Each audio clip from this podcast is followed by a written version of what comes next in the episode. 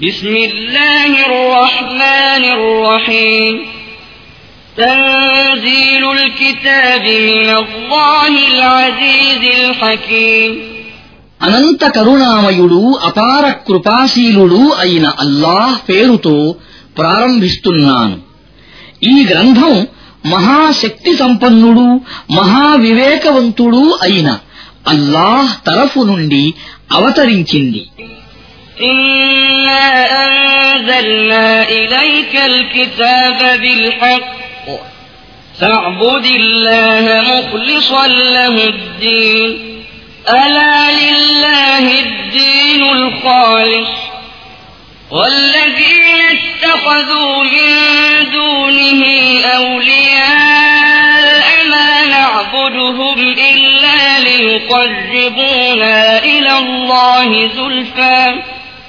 إن الله يحكم بينهم فيما هم فيه يختلفون إن الله لا يهدي من هو كاذب كفار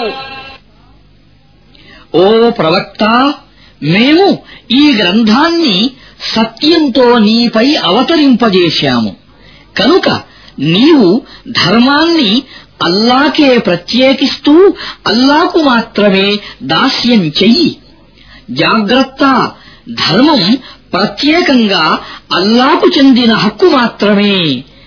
ఇక ఆయనను వదిలివేసి ఇతరులను సంరక్షకులుగా చేసుకున్నవారు తమ ఈ చర్యకు కారణంగా వారు మమ్మల్ని అల్లా వద్దకు చేరుస్తారని మాత్రమే మేము వారిని ఆరాధిస్తున్నాము.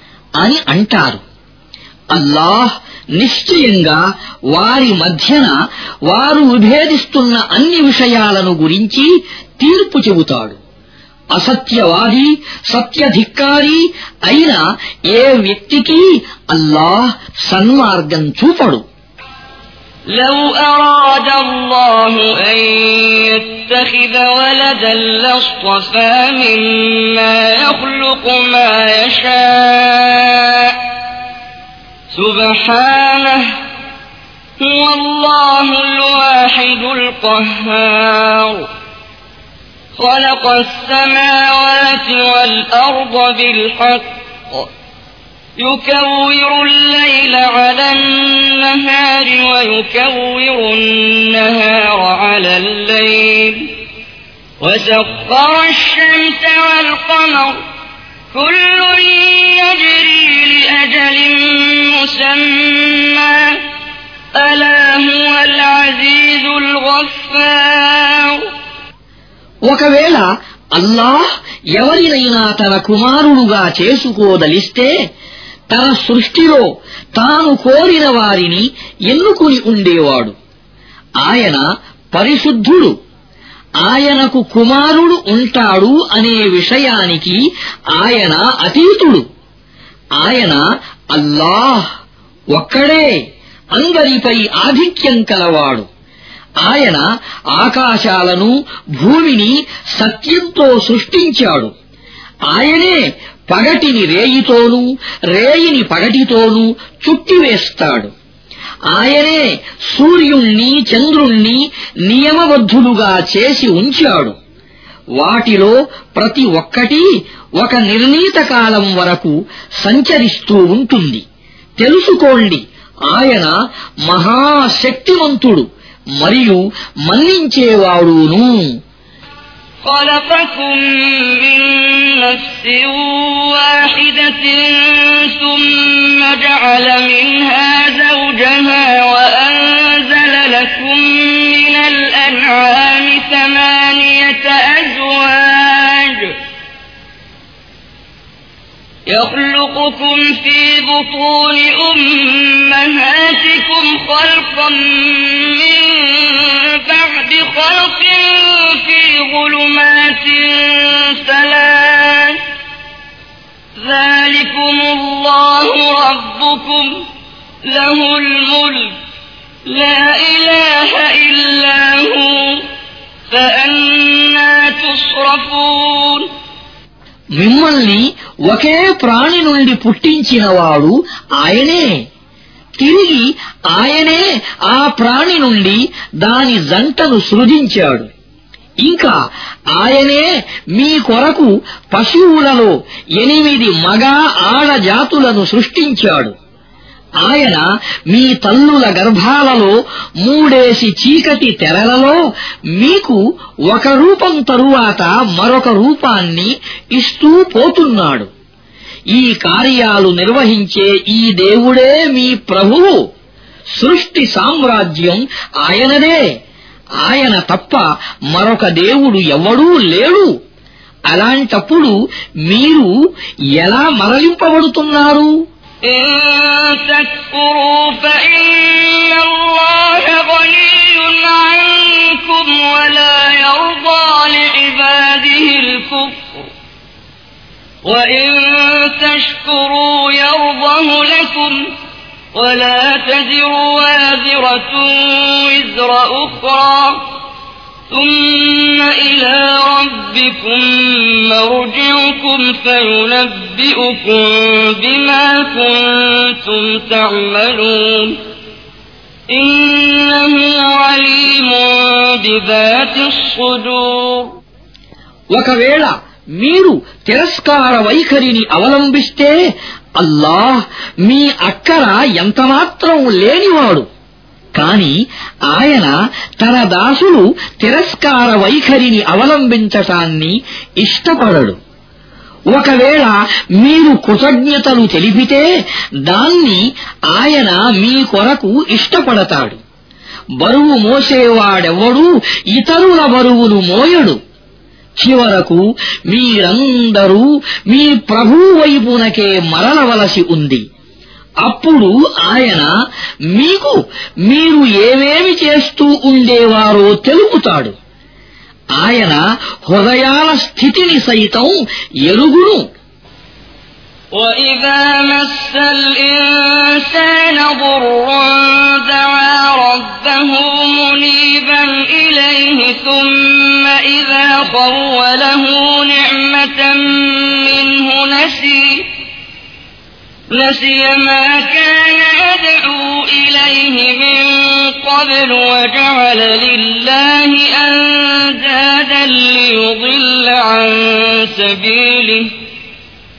قل تمتع بكفرك قليلا إنك من أصحاب النار. أمن هو قانت آناء الليل ساجدا وقائما يحذر الآخرة ويرجو رحمة ربه قل هل يستوي الذين يعلمون والذين لا يعلمون إنما يتذكر أولو الألباب మనిషిపైకి ఎప్పుడైనా ఏదైనా ఆపద వచ్చి పడితే అతడు తన ప్రభువు వైపునకు మరలి ఆయనను మొరపెట్టుకుంటాడు తరువాత అతడి ప్రభువు అతడికి తన అనుగ్రహాన్ని ప్రసాదించినప్పుడు అతడు గతంలో ఏ ఆపదను గురించి మొరపెట్టుకున్నాడో ఆ ఆపదను మరచిపోయి ఇతరులను అల్లాకు సమానులుగా నిలబెడతాడు.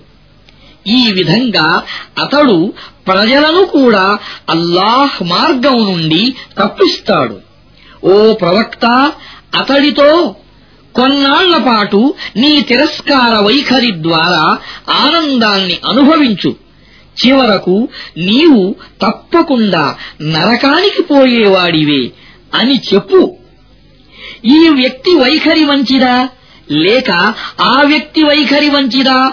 ఎవడైతే విధేయుడో రాత్రి ఘడియలలో నమాజు చేస్తూ నిలబడతాడో సజదాలు చేస్తాడో పరలోకానికి భయపడతాడో తన ప్రభువు కారుణ్యాన్ని ఆశిస్తాడో వీరిని అడుగు తెలిసినవారు తెలియనివారు ఇద్దరూ ఎప్పుడైనా సమానులు కాగలరా బుద్ధిమంతులు మాత్రమే హితబోధను స్వీకరిస్తారు قل يا عبادي الذين آمنوا اتقوا ربكم للذين أحسنوا أحسنوا في هذه الدنيا حسنة وأرض الله واسعة إنما يوفى الصابرون أجرهم بغير حساب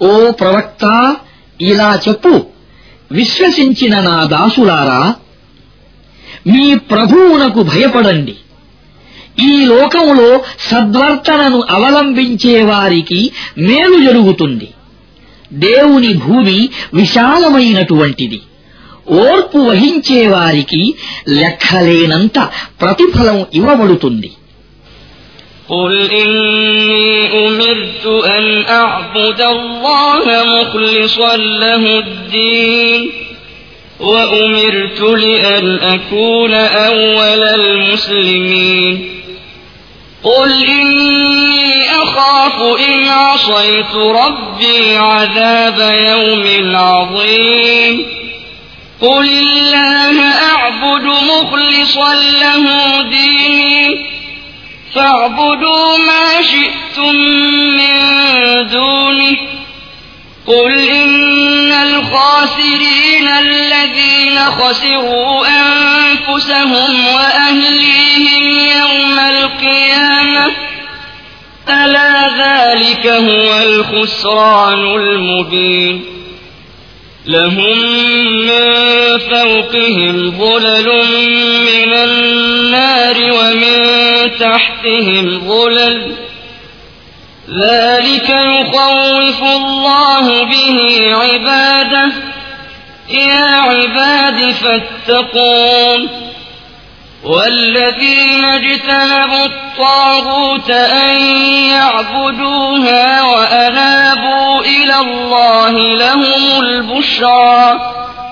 فبشر عباد الذين يستمعون القول فيتبعون أحسنه أولئك الذين هداهم الله وأولئك هم أولو الألباب ఓ ప్రవక్త వారికి ఇలా చెప్పు ధర్మాన్ని అల్లాకే ప్రత్యేకించి ఆయనకు మాత్రమే దాస్యం చేయి అని నాకు ఆజ్ఞ ఇవ్వబడింది. అందరికంటే ముందు స్వయంగా నేను ముస్లిము అయిపోవాలని కూడా నాకు ఆజ్ఞ ఇవ్వబడింది. ఇంకా ఇలా చెప్పు. ఒకవేళ నేను నా ప్రభువునకు అవిధేయత చూపితే నేను ఒక మహాదినం నాటి శిక్షను గురించి భయపడుతున్నాను. ఇలా కూడా చెప్పు. నేను మాత్రం నా ధర్మాన్ని అల్లాకే ప్రత్యేకించి ఆయనకు మాత్రమే దాస్యం చేస్తాను. మీరు ఆయన దాస్యం తప్ప ఎవరెవరి దాస్యం చెయ్యదలచుకున్నారో చేస్తూ ఉండండి. ఇలా అను. ప్రళయం నాడు తమను తమ భార్యలను పిల్లలను నష్టంలో పడవేసుకునేవారే అసలైన దివాళాకోరులు. బాగా వినండి. స్పష్టమైన దివాళా అంటే ఇదే. వారి మీద నిప్పు గొడుగులు పైనుండి కూడా క్రమ్ముకుని ఉంటాయి. క్రింద నుంచి కూడా. ఈ పర్యవసానం గురించే అల్లాహ్ తన దాసులను భయపెడుతున్నాడు. కనుక నా దాసులారా నా ఆగ్రహం నుండి తప్పించుకోండి. దీనికి భిన్నంగా తాగూత్ దాస్యాన్ని విసర్జించి అల్లాహ్ వైపునకు మరలే వారికి శుభవార్త ఉన్నది. కనుక ఓ ప్రవక్త మాటను శ్రద్ధగా విని అందులోని మంచి మంచి విషయాలను అనుసరించే నా దాసులకు శుభవార్త అందజెయ్యి. అల్లాహ్ సన్మార్గం చూపినవారు వీరే విజ్ఞులు కూడా వీరే. أفمن حق عليه كلمة العذاب؟ أفأنت تنقذ من في النار؟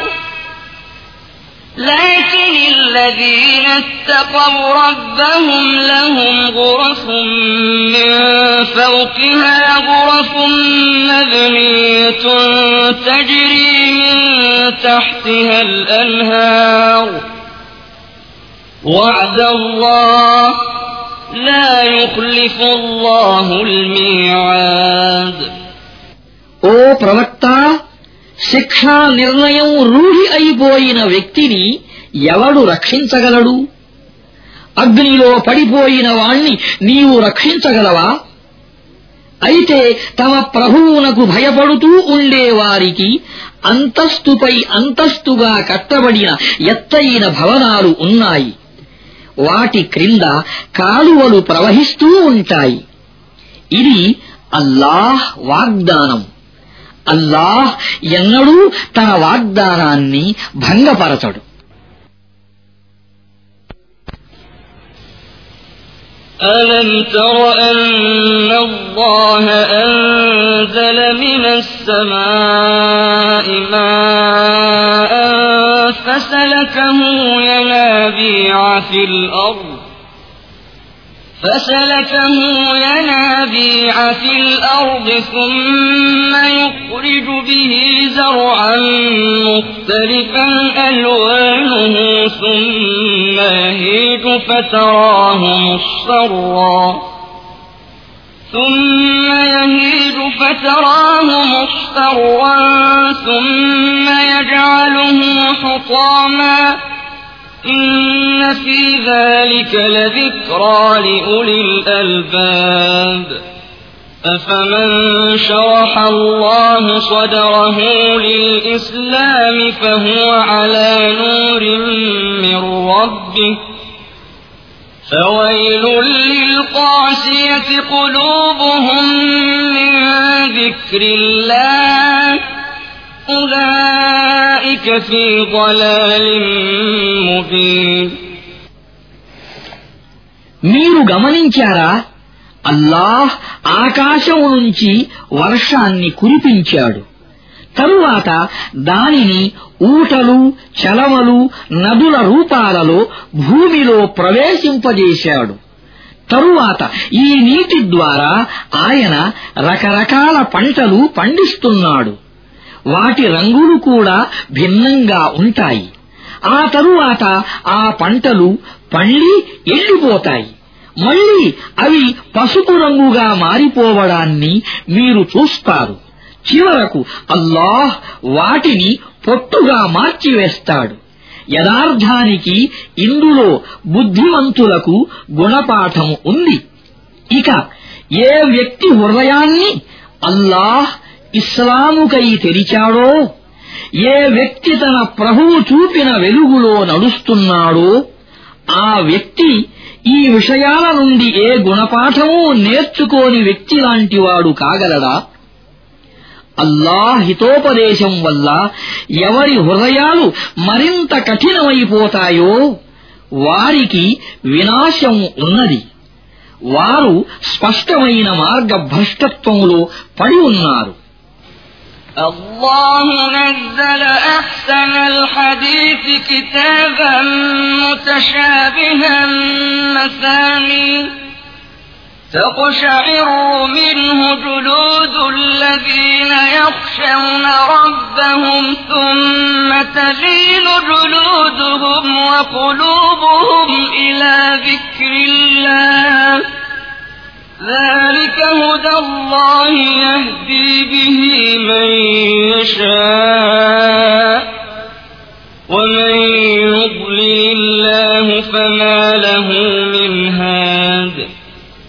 أفمن يتقي بوجهه سوء العذاب يوم القيامة؟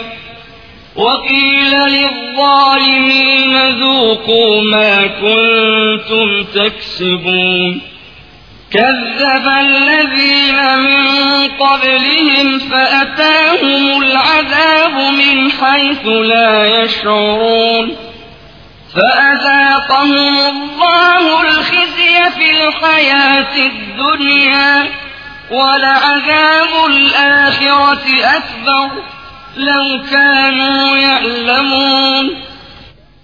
అల్లాహ్ ఎంతో శ్రేష్టమైన వచనాన్ని అవతరింపజేశాడు.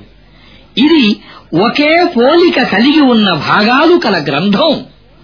ఇందులో విషయాలు మాటి మాటికి పునరుక్తం చేయబడినాయి. దానిని విన్నప్పుడు తమ ప్రభువునకు భయపడే వారి రోమాలు నిక్కబుడుచుకుంటాయి. తరువాత వారి శరీరాలు వారి హృదయాలు మెత్తబడి అల్లాహ్ ధ్యానం వైపునకు మొగ్గుతాయి. ఇది అల్లాహ్ మార్గదర్శకత్వం. దాని ద్వారా ఆయన తాను కోరిన వారిని సత్య మార్గంపైకి తీసుకువస్తాడు. స్వయంగా అల్లాహ్ మార్గం చూపని వాడికి మరొక మార్గదర్శకుడు ఎవడూ లేడు. ఇక ప్రళయం నాడు శిక్ష యొక్క తీవ్రమైన దెబ్బను తన ముఖం మీద తినేవాడి దుస్థితిని గురించి నీవేమి అంచనా వేయగలవు? అటువంటి దుర్మార్గులతో ఇక మీరు సంపాదించిన దానిని రుచి చూడండి అని అనబడుతుంది.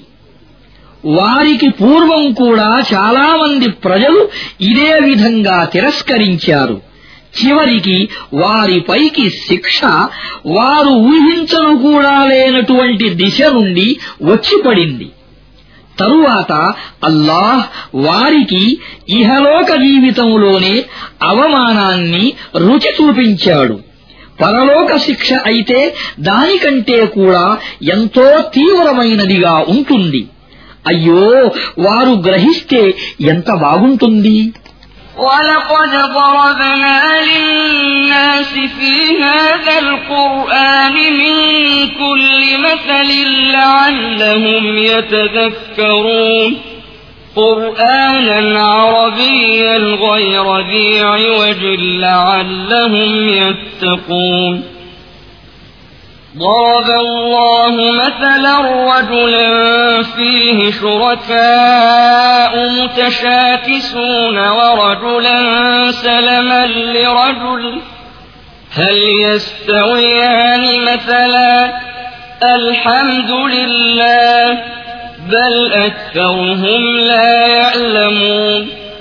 إنك ميت وإنهم ميتون. ثم إنكم يوم القيامة عند ربكم تختصمون మేము ఈ ఖురానులో ప్రజల కొరకు రకరకాల దృష్టాంతాలను ఇచ్చాము వారు స్పృహలోనికి వస్తారేమో అని అరబ్బీ భాషలో ఉన్న ఈ ఖురానులో ఎలాంటి వక్రత లేదు వారు తమను చెడు పర్యవసానం నుండి కాపాడుకుంటారేమో అని అల్లాహ్ ఒక దృష్టాంతం ఇస్తున్నాడు. ఒక వ్యక్తి ఉన్నాడు. అతనిని తమ తమ వైపునకు లాగే సంస్కారహీనులైన యజమానులు అనేక మంది ఉన్నారు. మరొక వ్యక్తి ఉన్నాడు. అతను పూర్తిగా ఒకే యజమానికి బానిసగా ఉన్నాడు. ఆ ఇద్దరు వ్యక్తుల పరిస్థితి ఒకటే అవుతుందా? అల్హందులిల్లాహ్ స్తోత్రం కేవలం అల్లాకే. కాని చాలామంది అజ్ఞానంలో పడి ఉన్నారు. ఓ ప్రవక్త నీవు మరణిస్తావు. వారు మరణిస్తారు. చివరకు ప్రళయం నాడు మీరంతా మీ ప్రభువు సమక్షంలో మీ మీ వ్యాజ్యాలను వినిపిస్తారు. بسم الله الرحمن الرحيم. فمن أظلم ممن كذب على الله وكذب بالصدق إذ جاءه. أليس في جهنم مثوى للكافرين؟ والذي جاء بالصدق وصدق به أولئك هم المتقون لهم ما يشاءون عند ربهم ذلك جزاء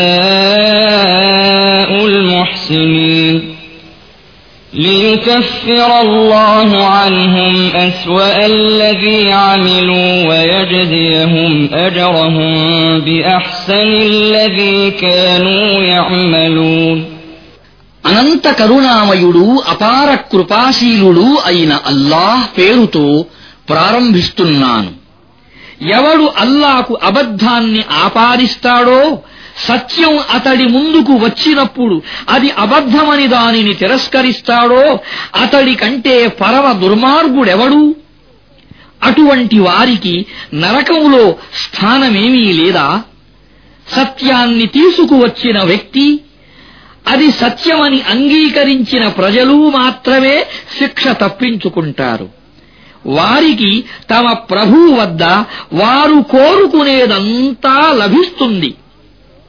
ఇది సత్కార్యాలు చేసేవారికి దొరికే ప్రతిఫలం వారు చేసిన అత్యంత ఘోరమైన పనులను అల్లాహ్ వారి లెక్క నుండి తీసివెయ్యటానికి వారు చేసిన ఎన్నో మంచి పనులకు గాను వారికి ప్రతిఫలం ప్రసాదించటానికి أليس الله بكاف عبده ويخوفونك بالذين من دونه ومن يضلل الله فما له من هاد ومن يهد الله فما له من مضل أليس الله بعزيز بانتقام ولئن سألتهم من خلق السماوات والأرض ليقولن الله.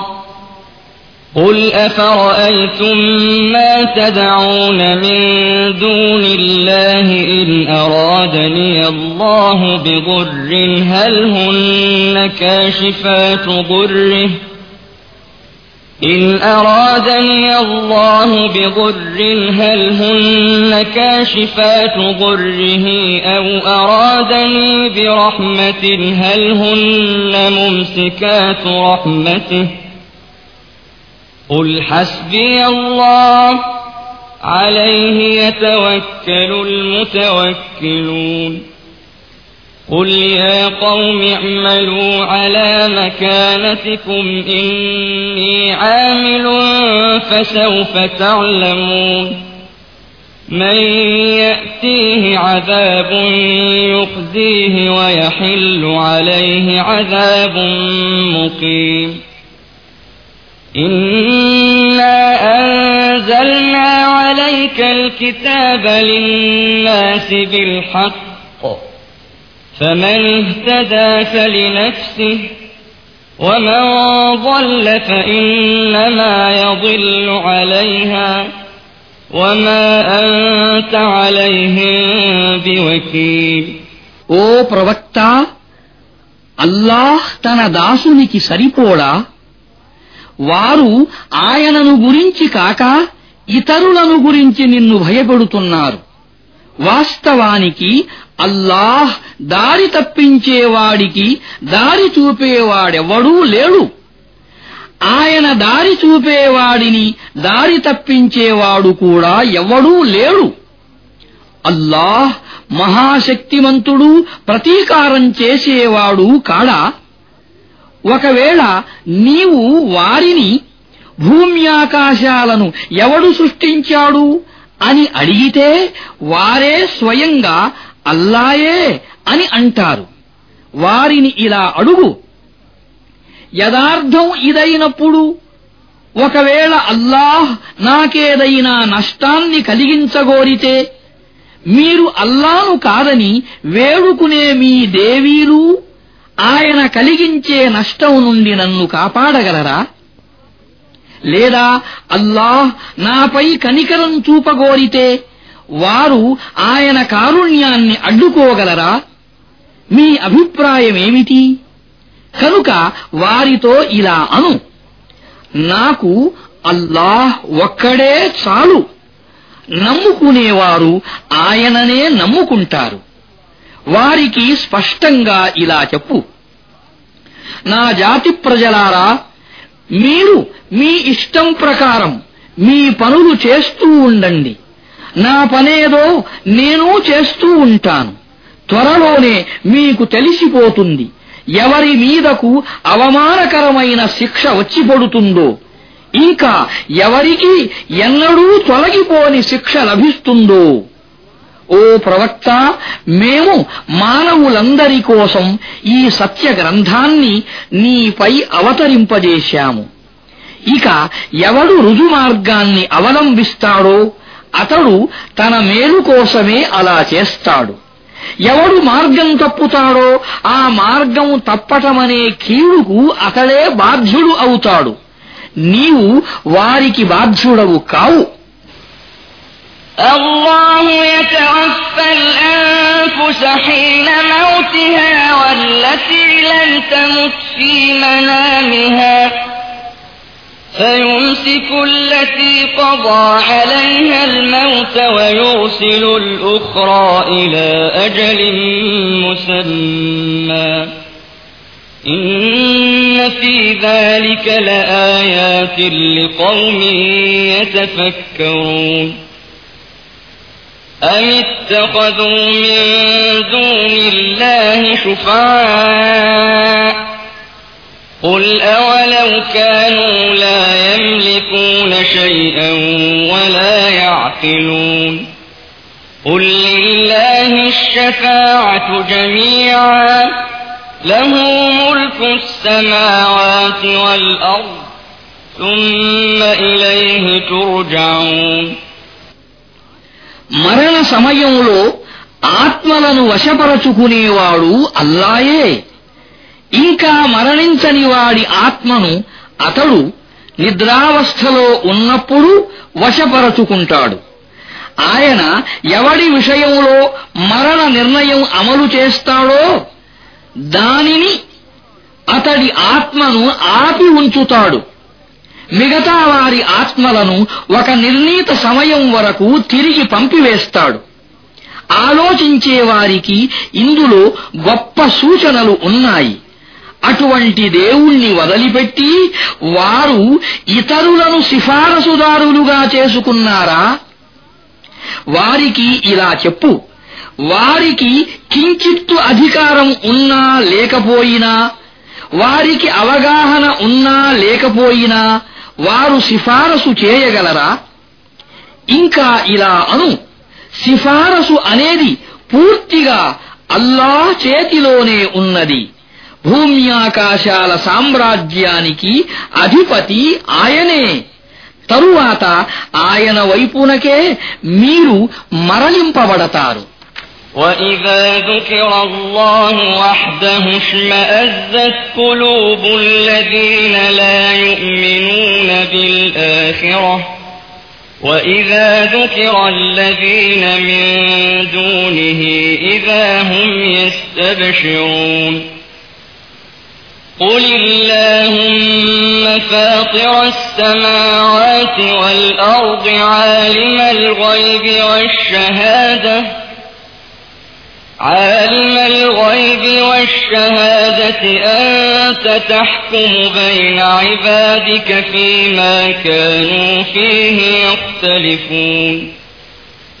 ولو أن للذين ظلموا ما في الأرض جميعا ومثله معه لافتدوا به من سوء العذاب يوم القيامة وبدا لهم من الله ما لم يكونوا يحتسبون وبدا لهم سيئات ما كسبوا وحاق بهم ما كانوا به يستهزئون ఒక్క అల్లాను గురించి మాత్రమే ప్రస్తావించటం జరిగినప్పుడు పరలోకం పట్ల విశ్వాసం లేని వారి హృదయాలు బాధపడతాయి ఆయనను తప్ప ఇతరులను గురించి ప్రస్తావించటం జరిగినప్పుడు యకాయకి వారి ముఖాలు సంతోషంతో వెలిగిపోతాయి. ఇలా అను దైవమా భూమ్యాకాశాలకు సృష్టికర్త గోచర అగోచరాలను ఎరిగినవాడా? నీవే నీ దాసుల మధ్య వారు విభేదిస్తూ ఉన్న విషయం గురించి తీర్పు చేస్తావు. ఒకవేళ ఈ దుర్మార్గుల వద్ద భూమిలో ఉన్న మొత్తం సంపద ఉంటే ఇంకా అంతే సంపద కూడా ఉంటే వారు ప్రళయం నాటి దారుణ శిక్ష నుండి తప్పించుకోవటానికి ఈ మొత్తం సంపదను పరిహారంగా ఇవ్వటానికి సిద్ధపడతారు. అక్కడ అల్లాహ్ తరఫు నుండి వారి ముందుకు వారు ఎన్నడూ ఊహించి కూడా ఉండనిదంతా వస్తుంది.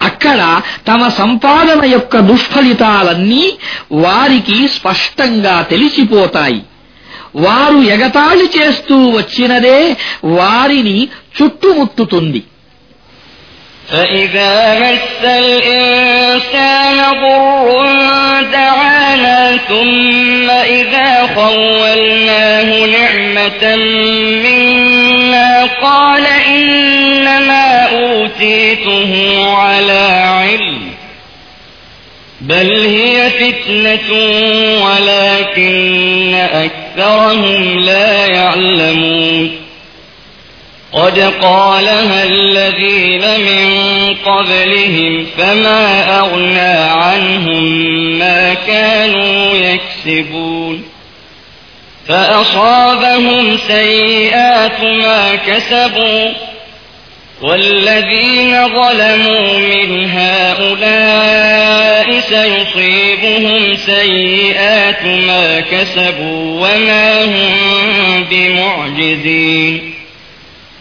أولم يعلموا أن الله يبسط الرزق لمن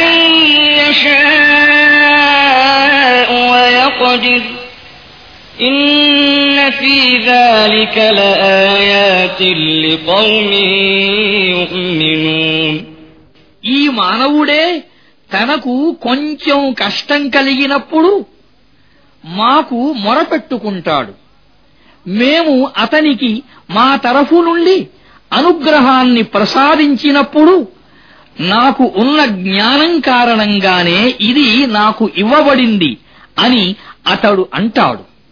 కాని అది కాదు. ఇది ఒక పరీక్ష.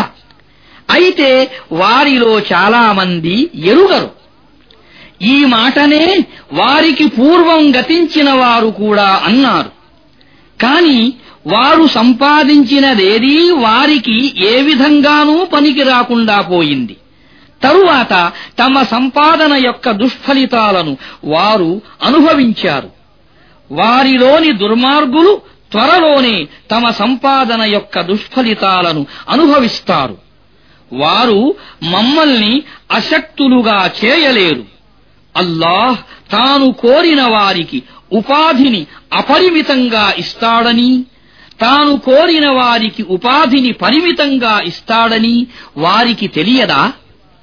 ఇందులో విశ్వసించే వారికి సూచనలు ఉన్నాయి قل يا عبادي الذين أسرفوا على أنفسهم لا تقنطوا من رحمة الله إن الله يغفر الذنوب جميعا إنه هو الغفور الرحيم وأنيبوا إلى ربكم وأسلموا له من قبل أن يأتيكم العذاب ثم لا تنصرون.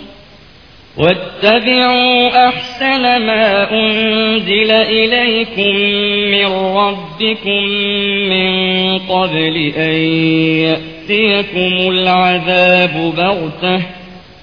من قبل أن يأتيكم العذاب بغتة وأنتم لا تشعرون أن تقول نفس يا حسرة على ما فرطت في جنب الله وإن كنت لمن الساخرين أو تقول لو أن الله هداني لكنت من المتقين أو تقول حين ترى العذاب لو أن لي كرة فأكون من المحسنين بلى قد جاءتك آياتي فكذبت بها واستكبرت وكنت من الكافرين.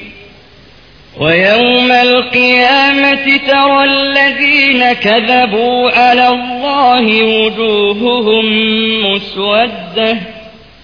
أليس في جهنم مثوى للمتكبرين؟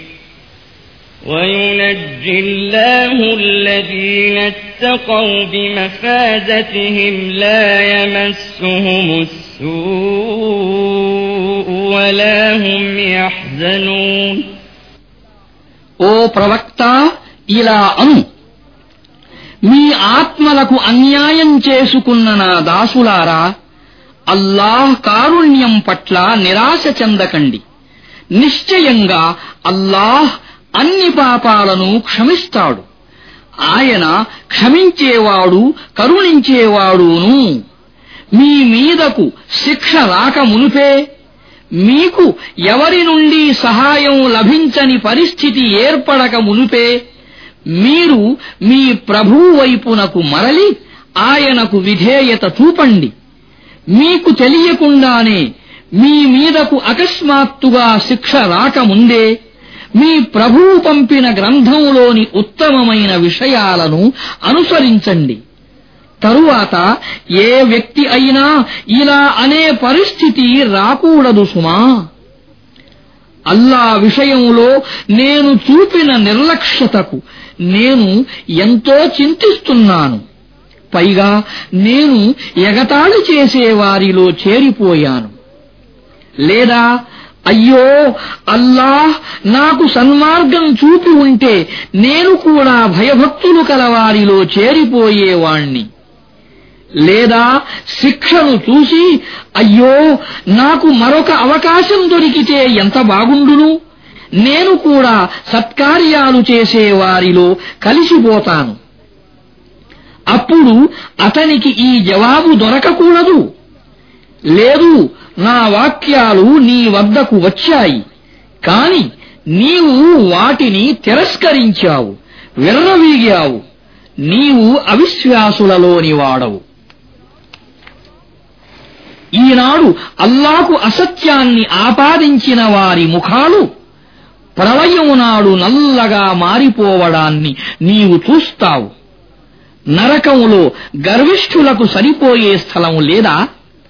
దీనికి భిన్నంగా ఇక్కడ అల్లాకు భయపడిన వారికి వారి సాఫల్యానికి దోహదం చేసిన కారణాల వల్ల అల్లాహ్ ముక్తిని ప్రసాదిస్తాడు వారికి ఏ కష్టమూ కలగదు వారికి ఎలాంటి విచారమూ ఉండదు الله خالق كل شيء وهو على كل شيء وكيل له مقاليد السماوات والأرض والذين كفروا بآيات الله أولئك هم الخاسرون قل أفغير الله تأمروني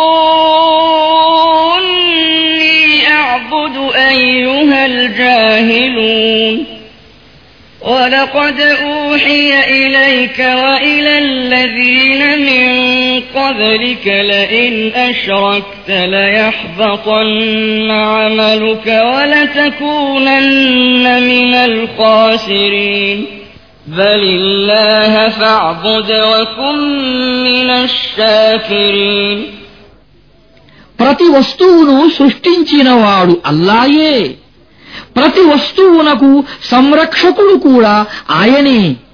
భూమిలో ఆకాశాలలో ఉన్న నిక్షేపాల తాళపు చెవులు ఆయన వద్దనే ఉన్నాయి. అల్లాహ్ వాక్యాలను తిరస్కరించేవారే నష్టానికి గురి అయ్యేవారు. ఓ ప్రవక్త వారితో ఇలా అను. అయితే ఓ మూర్ఖులారా అల్లాను కాదని మరొకరికి దాస్యం చేయమని మీరు నాకు చెబుతున్నారా? ఈ విషయాన్ని నీవు వారికి స్పష్టంగా చెప్పు.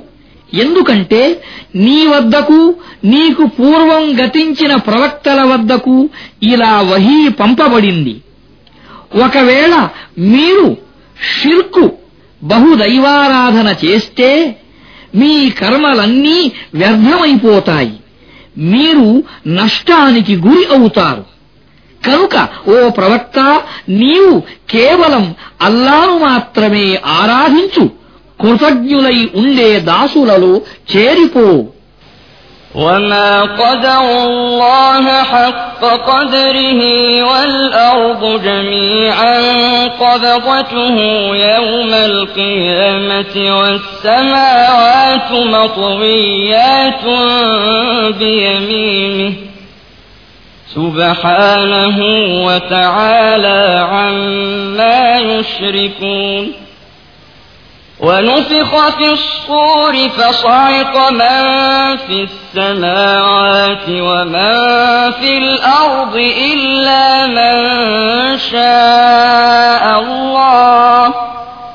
ثم نفخ فيه أخرى فإذا هم قيام ينظرون. وأشرقت الأرض بنور ربها ووضع الكتاب وجيء بالنبيين والشهداء وقضي بينهم بالحق وهم لا يظلمون ووفيت كل نفس عملت وهو أعلم بما يفعلون వారు అల్లాను ఏ విధంగా గౌరవించాలో ఆ విధంగా గౌరవించనే లేదు ఆయన శక్తి సామర్థ్యాలు ఎలాంటివంటే ప్రళయం నాడు యావత్తు భూమండలం ఆయన పిడికిలులో ఉంటుంది ఆకాశాలు ఆయన కుడి చేతిలో చుట్టబడి ఉంటాయి వారు చేస్తున్న షిర్కుకు ఆయన అతీతుడు పరిశుద్ధుడు. ఆ రోజున శంఖం పూరించబడుతుంది. ఆకాశాలలో భూమిలో ఉన్నవారు అందరూ చచ్చి పడిపోతారు.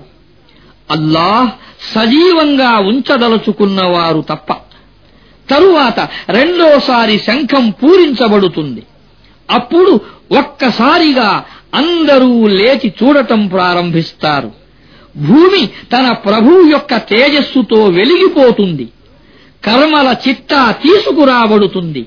దైవ ప్రవక్తలు సాక్షులు అందరూ హాజరుపరచబడతారు. ప్రజలకు సరిగ్గా న్యాయంగా తీర్పు చేయబడుతుంది. వారికి ఎలాంటి అన్యాయమూ జరగదు. ప్రతి ఆత్మకు అది చేసుకున్న కర్మల ప్రకారం పూర్తి ప్రతిఫలం ఇవ్వబడుతుంది.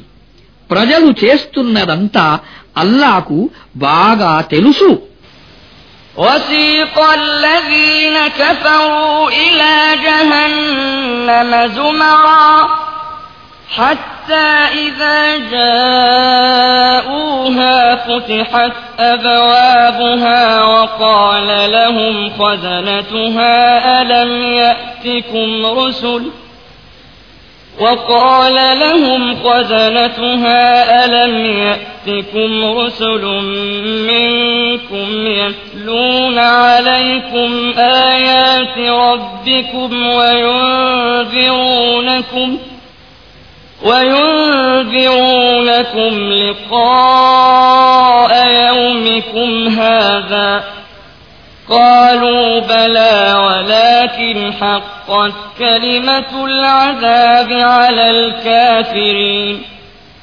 قيل ادخلوا أبواب جهنم خالدين فيها فبئس مثوى المتكبرين ఈ తీర్పు తరువాత సత్యాన్ని తిరస్కరించిన వారు నరకం వైపునకు గుంపులు గుంపులుగా తోలబడతారు. చివరకు వారు అక్కడకు చేరినప్పుడు దాని ద్వారాలు తెరువబడతాయి. దాని కాపలాదారులు వారితో ఇలా అంటారు. స్వయంగా మీలో నుండే మీకు మీ ప్రభువు వాక్యాలను వినిపించి ఎప్పుడో ఒకప్పుడు మీరు ఈ దినాన్ని కూడా చూడవలసి వస్తుందని మిమ్మల్ని హెచ్చరించిన ప్రవక్తలు మీ వద్దకు రాలేదా? వారు అవును వచ్చారు. కాని శిక్షా నిర్ణయం అవిశ్వాసుల విషయంలో రూఢి అయిపోయింది అని సమాధానం చెబుతారు. ఇలా అనబడుతుంది నరక ద్వారాలలో ప్రవేశించండి. ఇక్కడ మీరు ఇక శాశ్వతంగా ఉండవలసి ఉంది. ఇది గర్విష్ఠుల నివాసం చాలా చెడ్డ నివాసం. وسيق الذين اتقوا ربهم إلى الجنة زمرا حتى إذا جاءوها وفتحت أبوابها وقال لهم خزنتها سلام عليكم طبتم سلام عليكم طبتم فادخلوها خالدين وقالوا الحمد لله الذي صدقنا وعده وأورثنا الأرض نتبوأ من الجنة حيث نشاء فنعم أجر العاملين తమ ప్రభువు పట్ల అవిధేయతకు దూరంగా ఉన్న వారిని బృందాలు బృందాలుగా స్వర్గం వైపునకు తీసుకుపోవడం జరుగుతుంది. చివరకు వారు అక్కడకు చేరినప్పుడు దాని తలుపులు ముందుగానే తెరువబడి ఉంటాయి.